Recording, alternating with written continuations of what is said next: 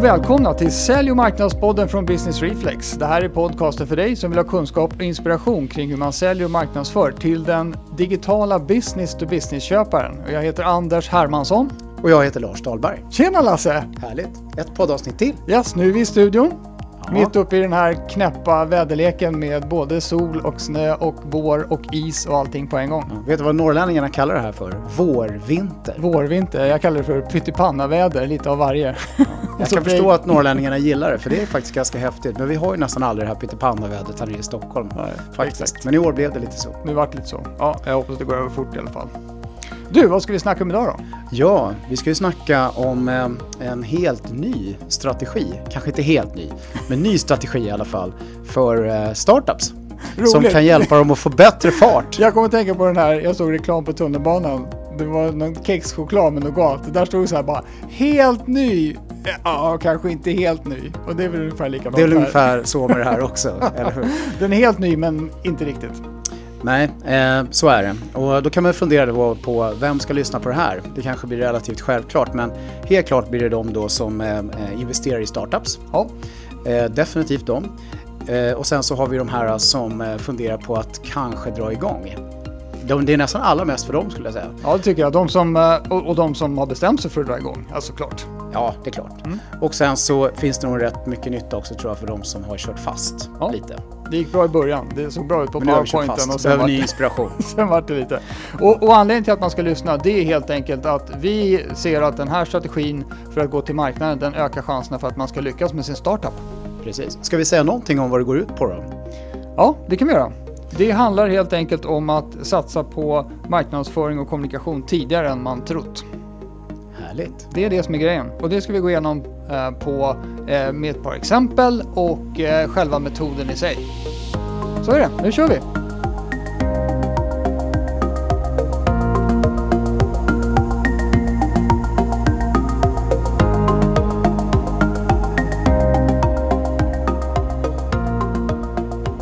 Ja, det är ju roligt det här med startups Anders. Det finns så galet mycket eh, startups. Det är verkligen som så att eh, Sverige dominerar nästan världen här. Det är bara några regioner i världen, typ eh, Silicon Valley, jag tror lite runt London och så, där det är mer startups än det är i Stockholm.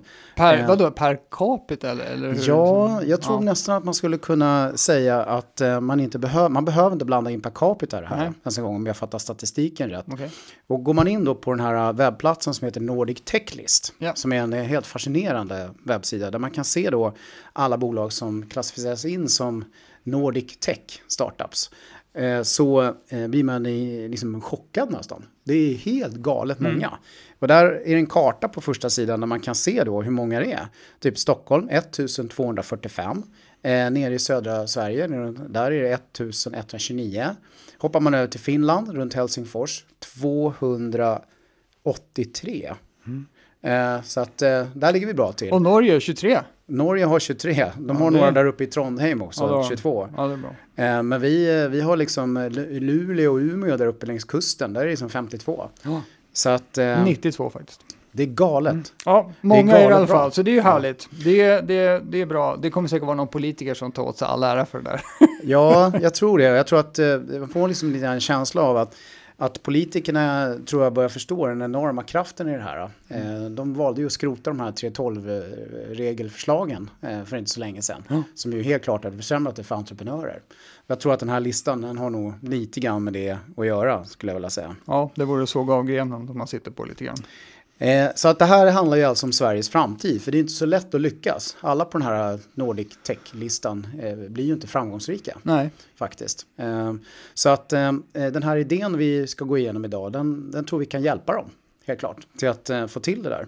Och vi är ute och springer runt och jobbat mycket med startups här och funderar på det här. Och jag måste säga så här, jag, jag tycker det är rätt så fascinerande att att eh, eh, det finns ju så otroligt mycket smarta, fantastiska ingenjörer i det här landet. Oh. Som kommer på så otroligt häftiga nya grejer. Eh, och när vi har kommit in och börjat jobba med dem och man börjar liksom sprida de här idéerna de har. Mm. De här tankarna, den här kompetensen de sitter på och den här liksom nya inspirationen som liksom driver dem.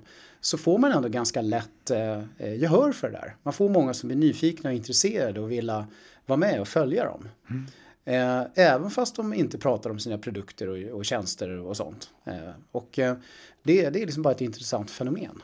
Ja, de, det är ju det man prickar ett intressant ämne som är intressant för betydligt fler än de som just nu ska köpa. Då blir det ju större, större gensvar helt enkelt. Men du, eh, mm. vad heter det? Vi behöver eh, förstå nackdelen med också att det bara är ingenjörer som är inblandade i det här. Ja. det, är att det, blir, det blir ju ett väldigt produktfokus. Jag menar, ja. om man inte har någon produkt såklart, då har man ju liksom i slutändan ingenting att sälja. Så det är klart, man måste ju, man måste fokusera på det. Mm. Men ehm, eh, när vi blir, eh, liksom kommer i kontakt med de, här, med de startups som vi jobbar med, så är det ju i regel, jag ska inte säga för sent, men det, det är lite sent, eh, lite senare än vad det borde vara. När mm. man börjar tänka mm. på det här med marknadsföring och kommunikation. Mm. Eh, så man har liksom inte lyckats få ut den kraften som man skulle kunna ha. Och man, liksom, bara för man tänker på det för sent. Nej, för de här bolagen har ju oftast en produkt när vi, när vi kommer i kontakt med dem. Ja. Men sen då när man börjar driva marknadsföringen som jag var inne på alldeles nyss eh, så märker man ganska snabbt att det får en väldigt bra effekt eh, när man börjar prata om idén. Inte eh, exakt, exakt, för det är det naturliga. Nej men vänta, vi har ingen ja. produkt. Det är väl ingen det vi anställer någon på marknad Nej. eller tar in någon, någon sån här agency eller säljare för den delen. Vad ska, de, vad ska de hålla på med de här människorna när vi inte har något att marknadsföra och sälja? Nej, och det, det som också blir väldigt spännande tycker jag, det är de här fantastiska ingenjörerna förstår förstå värdet av det här, mm. att, eh, att sprida de här idéerna. Och eh, det är ju inte alla ingenjörer som känner att de vill eh, sprida liksom, sina idéer på det här sättet som vi pratar om här. Men, men en del vill ju det. Mm. Och eh mycket otroligt härliga effekter det skapar. så att det är ju det allmänna tipset här till de här ingenjörerna. Det är ju verkligen att att våga gå på den här linjen. Att mm. eh, prata om det man har uppfunnit eller har idéer om att uppfinna långt, långt, långt mycket tidigare. Just det. Gå kommunikationskurser på eh, Teknikskolan. Mm. Ja, det, det, det tror jag kanske finns lite grann, men det är inte det som är fokus för de här människorna. Men, men eh, ska, ska vi ta ett par exempel då? Till ja, jag tror så man det, får, så det blir lite mer konkret. Ja, och det första exemplet är ju ingen tech-startup, men Nej, det, det, det, det, det, det, är i alla fall en imponerande startup skulle jag säga. Och det är, vi har tagit exemplet Kensa. Mm. Hon är ju influencer eh, och eh, då kan man vifta bort det som sån här sån här eh, cool tech-entreprenör att det är bara någon sån här bloggtjej. Så. Eh, men då råkar det vara så att hon har, ju, hon har ju jobbat då med sin marknadsföring och sin, jobbat upp sin följarbas. Hon har väl bloggat i typ tio år eh, och har en och en halv miljon följare på Instagram. Som i sig då är en väldigt lukrativ kanal för den typen av personer som hon är. De får ju brutalt mycket pengar för att göra ett inlägg med en produkt från ett annat företag, så de är ju reklampelare. Eh, så det är den första grejen. Hon har alltså jobbat konsekvent med att blogga och kommunicera om saker som hennes följare är intresserade av under lång tid och fått ett väldigt gott renommé i den målgruppen. Eh, och jag vet inte om hon från början hade strategin att hon skulle starta ett klädbolag. Jag gissar att hon inte hade det. Utan Nej. det var väl någonting som kom fram senare när det var ett faktum att hon hade ett stort kundunderlag, i alla fall teoretiskt sett. Mm. Eh, så nu då, då, då kan man säga, ja, vad finns det för siffror bakom det här? Hon startade det här bolaget Ivy Revel och eh, det är ett företag som, jag kollade på någon siffra, hittade omsatte drygt 7 miljoner spänn. Mm. Och eh, tack vare att hon har ett varumärke som är kopplat till det här eh, bolaget, hon har, alltså, hon har etablerat en marknadsföringskanal som hon kan använda för att eh, ja, öka chansen att Ivy Revel blir någonting bra. Eh, då gick ju H&M in med 20 miljoner spänn i det här bolaget till en mm. värdering på 100 miljoner. Och jag tänker att de flesta som sitter och räknar på sina startups där ute skulle tycka att det var en ganska trevlig slant att få in och en bra värdering också med tanke på den omsättning som hon har eh, i ett hårt konkurrensutsatt område som är handel för kläder. Mm. Så att det, visar att den här följarbasen och målgruppen som hon har eh, jobbat upp under åren är extremt värdefull alltså. Verkligen. Ja. Jag tänkte jag kunde ta ett annat exempel. Och det är en kille som heter Brian Clark, en amerikan. Han, eh, han var otroligt tidigt på, på bollen med det här. Att eh, marknadsföra sig först innan man eh, har en produkt. Han började med det här redan eh, 1999. Eh, när han eh, skulle lansera eh, och börja sälja eh, tjänster, advokat eller juristtjänster kopplat till internet och internetnärvaro och började skapa eh, följare kring hela den här problemställningen och hela den här eh, frågan och utmaningen som många har runt det här med juridik och internet. Och sen så började han då lansera då att eh, sälja eh, tjänster kring det här och det gick jättebra för honom. Han hoppade över i en annan bransch, fastighetsbranschen och gjorde liksom samma sak där. Och det gick också väldigt bra. Och sen tröttnade han lite grann på de här två branscherna och ville pyssla med någonting roligare. Och eh, eh, har då startat bolaget som heter då Copyblogger Media 2010 eh, och eh, körde igång en satsning på att hjälpa marknadsförare helt enkelt och skrev en väldig massa eh, spännande bra content och skapade en stor följarskara runt det ämnet. Och sen har han då lanserat produkt på produkt på produkt och förfinat de här olika produkterna och slagit det där samman till ett bolag som nu har då en komplett svit med produkter och även säljer konsulttjänster kring det här. Mm. Och, affärs, och, och, precis, och affärsutvecklingen har ju skett då parallellt med att han har varit intressant för sin målgrupp och lyssnat väldigt mycket, en dialog med målgruppen och sen kommer produkterna som en naturlig följd på den där. Och det där kan man ju säga inom sån här startup-lingo då, då är det så här product market fit blir på något sätt av sig själv eftersom mm. man får ju input från sina kunder. jag glömde säga en, gång en grej om Kensa som är rätt coolt vad det gäller utifrån och in. Det är att de, de bygger sina kollektioner på det som de ser funkar i sociala medier. Alltså plagg som, typer av plagg som många likar och som många delar och det blir bra, bra surr kring. Det är det som bygger deras kollektioner. Så det är också en sån här utifrån och in perspektiv på vad man ska ha för erbjudande till folk. Vill ni gå in och titta på eh, Brian Clarks eh, nuvarande eh, bolag och det de säljer så går man in på rainmakerdigital.com. Och det finns naturligtvis en länk till det i notes. Show notesen Precis. Absolut. Okej, okay, så då har vi två exempel. Ja. Eh, kanske inte klockrena, eh, båda är klockrena tech-startups, men definitivt framgångsrika affärskoncept båda två. Och eh, Brian Clark, han har ju faktiskt eh, lanserat teknikplattformar för marknadsföring. Absolut, mm. absolut, det har han. Eh, så frågan blir ju då, vad gör man istället då? Anders? Ja, vad gör man istället? Så här, vad gör man normalt? Produktvägen ja, är ju svår. Liksom. Mm. Den, den, den, här, man blir ju lätt anorektisk just på pengsidan när man jobbar med produkter. För man ska bara slipa lite till och, och, så får man feedback från någon och så ska man göra ytterligare lite bättre MVP och sådär så att man känner att man har en riktigt bra produkt och pengarna bara flyter mellan fingrarna på en. Um, och, uh, så, så det, är en, det är en lång och mödosam väg just att, att fokusera 100% på sin produkt. För man har liksom ingenting förrän man har alltihop kan man säga. Mm. Så, man, eh, så, då kan man komma in på vad ska man göra istället så man har någonting i lite olika steg. Och egentligen kan man säga att den traditionella processen handlar om bra, här har du en powerpoint, man springer iväg till lite investerare och får lite pengar, eller så har man någon kassa själv och sen börjar man slipa på sin MVP, alltså min viable product och sen lanserar man den och så går det jättebra naturligtvis.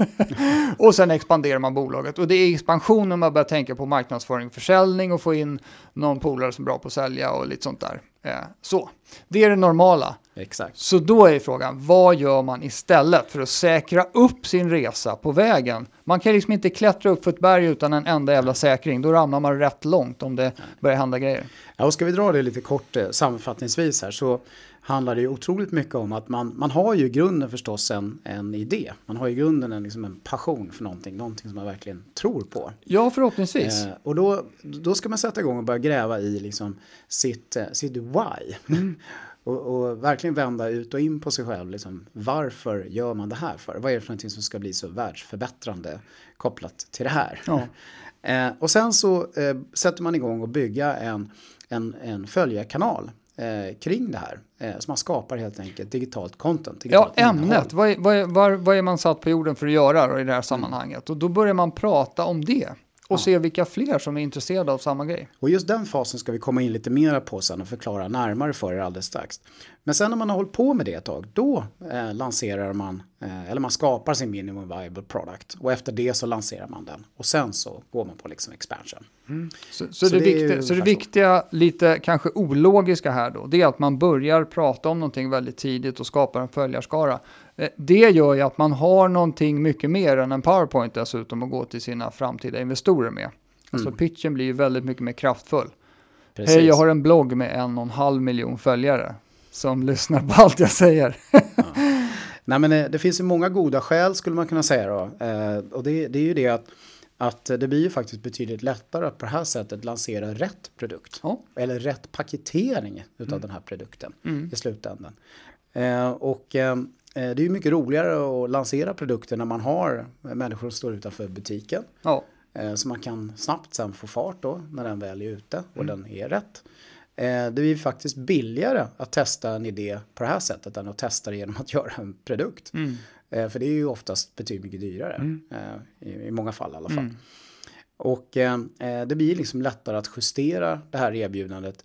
Och sen när man väl har gjort lanseringen så kan man ju förmodligen mycket snabbare komma till expansionfasen också. Om man har liksom gjort det här med, med eh, Wyatt och tractionen innan man gör produkten. Ja, man är Man är mycket, man är mycket mer, exakt, mycket mer förberedd där. Sen kan man säga, ja men vänta, allting ska ju vara hemligt tills man lanserar, för annars snor någon annan idén. Det ligger ju en del i det naturligtvis, men, men eh, man ska ju hålla tyst om sånt man ska patentera, eh, tekniska detaljer och sånt. Men, men man ska inte hålla tyst om vad man eh, tänker göra och vilket ämne som är intressant för folk där ute. Det måste man basunera ut och försöka få folk att fatta.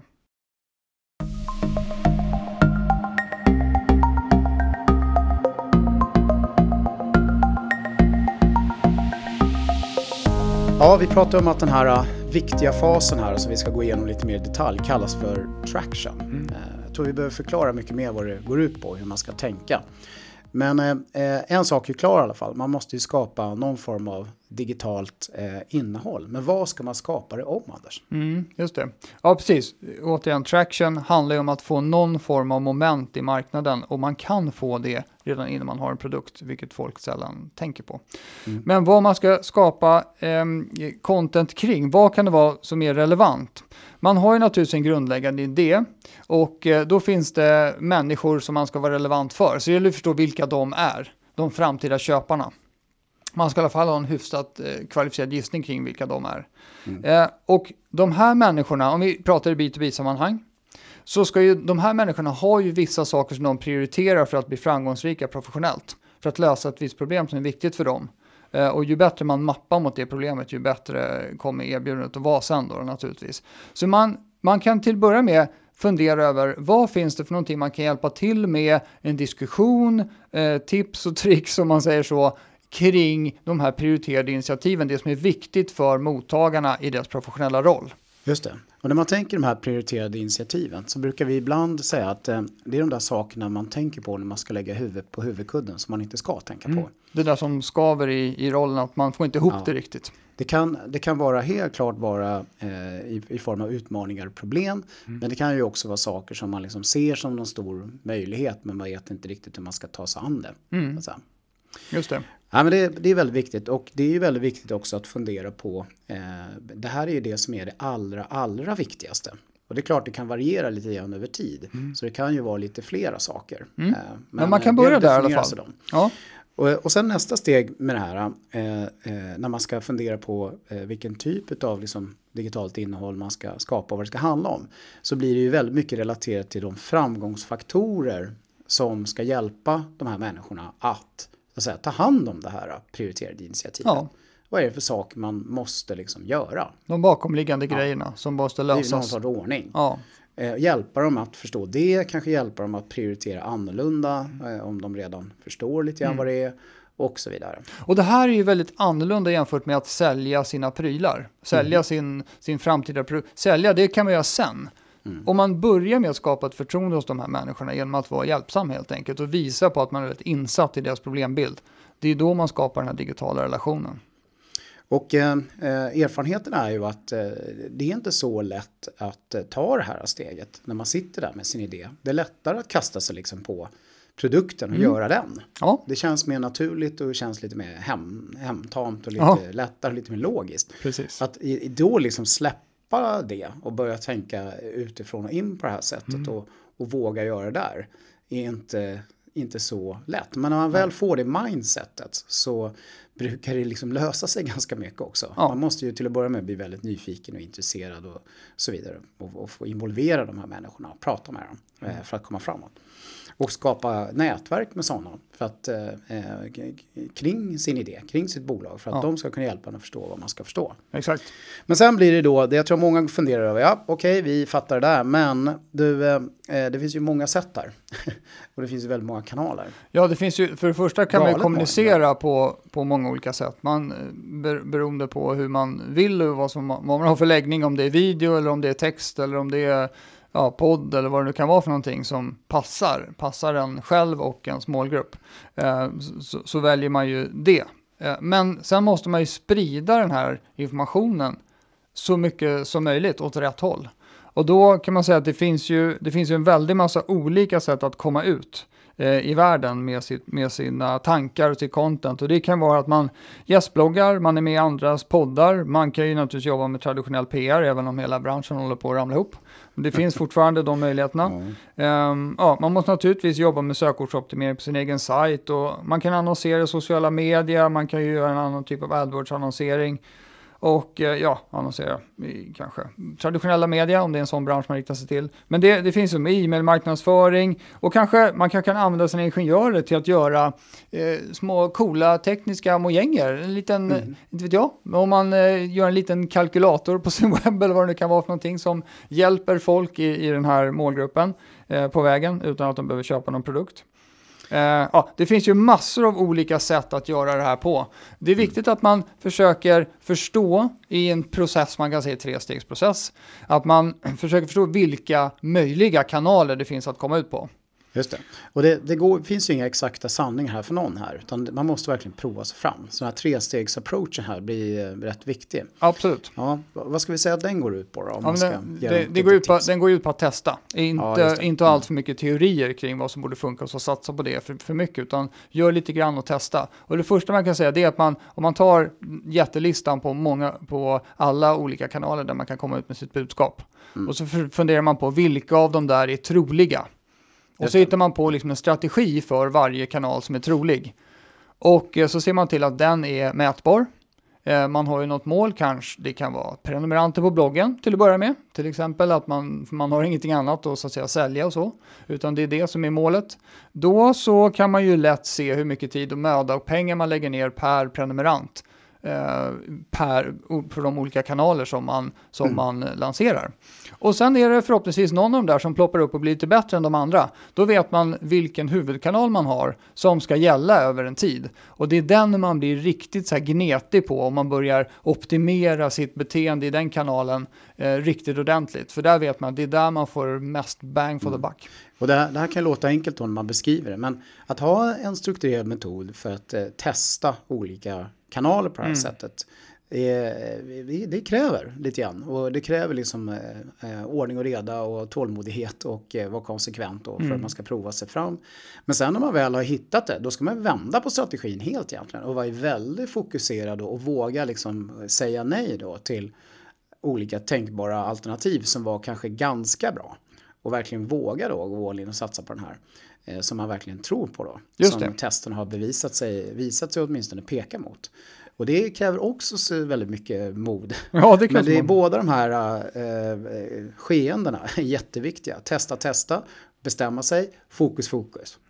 Ja, just det. Och, och, sociala medier är väl, är väl väldigt relevant som exempel där man gör lite grejer bara. Så här, man, man postar lite och mm. håller på. Ja, men vi har en LinkedIn-sida. Alltså man är väldigt jämfört med hur mycket man tänker när man blir ingenjör och ska utveckla sin produkt och gör väldigt strukturerade sprintar och, och skrummetoder och, och sådana saker. Eh, jobbar med heartbeat i sin incheckning av kod och allt vad det är för någonting. Eh, det är ju samma approach ska man ha här. Lika strukturerad mm. approach till den här eh, testningen av, av vilken marknadsföring som funkar. Mm. Det är en ingenjörsmässig approach. Det tycker vilket jag. passar eh, förmodligen ganska bra. Det kanske finns en del sådana inblandade. ja, precis. Eh, men du, ja. Man, eh, man, ska ju mäta det här på något ja, sätt. Ja, och jag tror också liksom det att man måste liksom känna vad är huvudmålet nu med allt detta vi pysslar med i ja. traction. Ja. Huvudmålet är ju verkligen att skapa traction, alltså få följare. Ja, få följare nivåer. och engagemang, ja. en engagerad målgrupp. Um, och engagemang har... kanske vi ska förtydliga då. Det betyder ju liksom att man, man själv är med och eh, kommenterar och, mm. eh, och delar och eh, kanske också är med och hjälper till att skapa innehåll åt oss och ja, sådär på olika exakt. sätt. Ja, så själva mätandet, då blir det ju liksom ganska naturligt. Vi vill mäta eh, antal följare helt enkelt. Ja, det och bra. interaktioner. Mm. Precis. Och sen så kan man ju titta på när man lägger, för de flesta av de här kanalerna har ju någon form av kostnad kopplat till sig. Så tittar man på hur mycket det kostar då att få en ny följare per de här olika kanalerna. Och, och sen så, eh, så måste man ju se också de som följer, de som blir följare i en viss kanal, är de, hur relevanta är de, hur nära den framtida idealkunden eller idealföljaren är de personerna? Så att man inte eldar för mycket för kråkorna. För jag menar, siffran kan ju säga en sak, men kvalitetsaspekten måste in här också. Och den sista punkten som man måste förstå när man ska kvalitetssäkra de här olika kanalerna, det är ju hur stor del av totalmarknaden kan man nå via en viss kanal? Eh, För att det kanske är så att du är väldigt lyckosam, men du når bara 2% av den totala. Ja, då kan du inte nöja dig med det, för då har du ju 98% som du inte snackar med överhuvudtaget. Just det. Så där har du punktlistan för hur man mäter sin traction.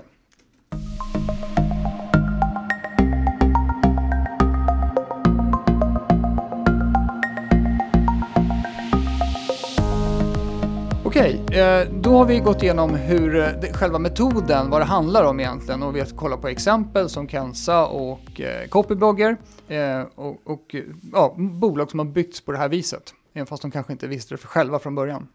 Eh, om man nu kollar på det här med att ta in pengar, för man måste ju bygga upp ett visst mod för att börja och jobba på det här sättet. Ja, helt klart. Ja. Helt klart. Och eh, då, då kan vi ge lite råg i ryggen här då. då. Nu kommer det, För mycket, mycket kring startup-verksamheten handlar ju om att klara sin egen finansiering helt enkelt. Ja. Och eh, då är det så här att om man bara har en bra idé Mm. eh, och möjligtvis någon kund, som man, någon polare som har köpt den här, eh, då är det ganska lite värt för en investerare i, i tidig fas. Men om man kan visa upp en stor följarskara och eh, lojala personer som är med i din kommunikation, då har man mycket mer att komma med till, till eh, investerare som kommer i väldigt tidig fas, helt enkelt. Precis, för då har man ju bevisat att den här idén går att attrahera ja, en, en, en intresse kring. Det finns enkelt. intresse för den helt Det enkelt. finns intresse. Exakt. Eh, man har ju inte bevisat att de kommer att köpa en produkt ännu, men man har åtminstone bevisat det här. Ja, och det är väldigt mycket mer än en PowerPoint, skulle jag säga. Ja, verkligen så. Eh, sen finns det ju många andra eh, skäl. Man, man skaffar ju liksom pengar i steg här. Och det innebär ju den att, att eh, om man jobbar på med den här traction-fasen sen och börjar liksom utveckla det eh, och så, då, då kommer man ju kunna påvisa att man eh, klarar av att sen skaffa sig flera sådana här följare. Har man kunnat skapa en viss mängd traction så är det mycket lättare att trovärdiggöra att man ska kunna skapa liksom en jättestor mängd traction sen i, en- i Absolut. ett, långt fram, ett långt senare skede. så Ja, man blir ju bra på det. Så Ja. man har, ju, man har ju gjort generalrepetitionen inför då den här lanseringen och expansionen. Och, och det som också är en fördel sen då när man börjar närma sig det här med att man ska kanske då lansera sin produkt. Det är ju att man även kan påvisa att man har en teori om hur man ska föra de här följarna till ett första köp.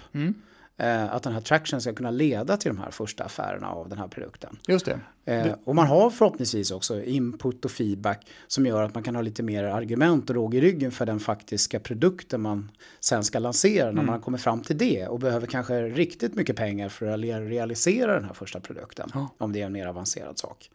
Vilket ju ofta krävs. Ja, just det. Och man, man, och man har börjat bygga på sin digitala lead-genereringsmaskin också. Så man har fått massa erfarenhet av det där. Så att man inte, när man har investerat en massa pengar i produkten, då gör man sitt marknadstest för första gången. Det är ju jättehög risk.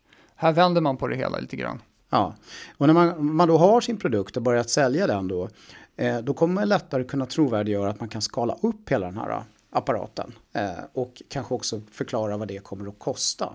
Vad är det för liksom return on investment på alla de där pengarna som ska upp på bordet när man ska sätta riktig fart på den där leadsgenereringsmaskinen och säljmaskinen. Just det, man kan vara klart trovärdig i sin go-to-market-strategi när man redan har börjat med, den här, med de här kanalerna och har följarskaran och så vidare. Så det, det är helt enkelt, det, det är viktigt för kapitalanskaffningen att göra det här på rätt sätt. Och gör man det tidigt så har man mycket mer att komma med än bara en, en PowerPoint. Ja. Det finns fördelar i olika eh, pengainskaffningsfaser här helt enkelt. Men man ska ta det utifrån investerarperspektivet Anders. Ja, men man ska tänka, om man ska vara offensiv som investerare, tänker jag, då ska man ju leta efter personer som är tongivande och har följare inom olika områden, vad det nu kan vara, vad man nu själv som investerare känner sig komfortabel och, och satsa inom för områden. Eh, och eh, sen ska man ju mer, då blir det liksom lite åt andra hållet, inte att man sitter och väntar på att folk ska komma och pitcha, utan att man eh, är ute och letar efter folk som har en plattform att stå på, men som kanske inte riktigt har funderat över att de bör, borde kommersialisera den där. Ja, just det. Så det tycker jag är, det är ett bra tips till investerare. Precis, och då, eh, och då ska man helt enkelt eh, eh, säga till dem så här att, att vi kan sedermera kanske då hjälpa er i nästa steg att få ihop det där till en produkt när vi nu vet exakt vad det ska bli för någonting. Ja, just det, eller, ja. eller putta in lite pengar till en hyfsat ja, moderat värdering då för att fort hjälpa den här personen att få mer traction. Ja, det var lite så H&M gjorde med cancer, var det inte så? Ja, det kanske var, vet inte exakt när de puttade Nej. in pengar, i vilken fas, men men... Ja, summan kardemumman skulle jag säga utifrån ett investerarperspektiv. Det blir ju att, att eh, det troligtvis blir liksom en mindre liksom, affärsrisk. Just att det. gå in i den typen av investeringar. Ja, lägre risk måste man mm. säga att det blir. Mm. Och det är bra. Ja, eh, vad ska man göra nu då om man tycker det här verkar lite spännande? Ja, det självklara svaret. Nej, men vi har ju skrivit upp en guide som är betydligt mer omfattande än det vi har pratat om här. Eh, går in i detalj på hur man, hur man ska bära sig åt för att eh, lansera sin startup. Ja, det är bara att springa in på www.businessreflex.se ja. kunskap. Just det. Där ligger det. Eller så kan man klicka på den fina länken i ja, show notes. En, ja, mm. exakt. Eh, vad bra då. Eh, och sen så ska vi bara göra som vi brukar göra då, då eh, till alla på slutet. Att eh, vad ni än gör där ute så ska ni se till att vara relevanta. Hej då! Hej då!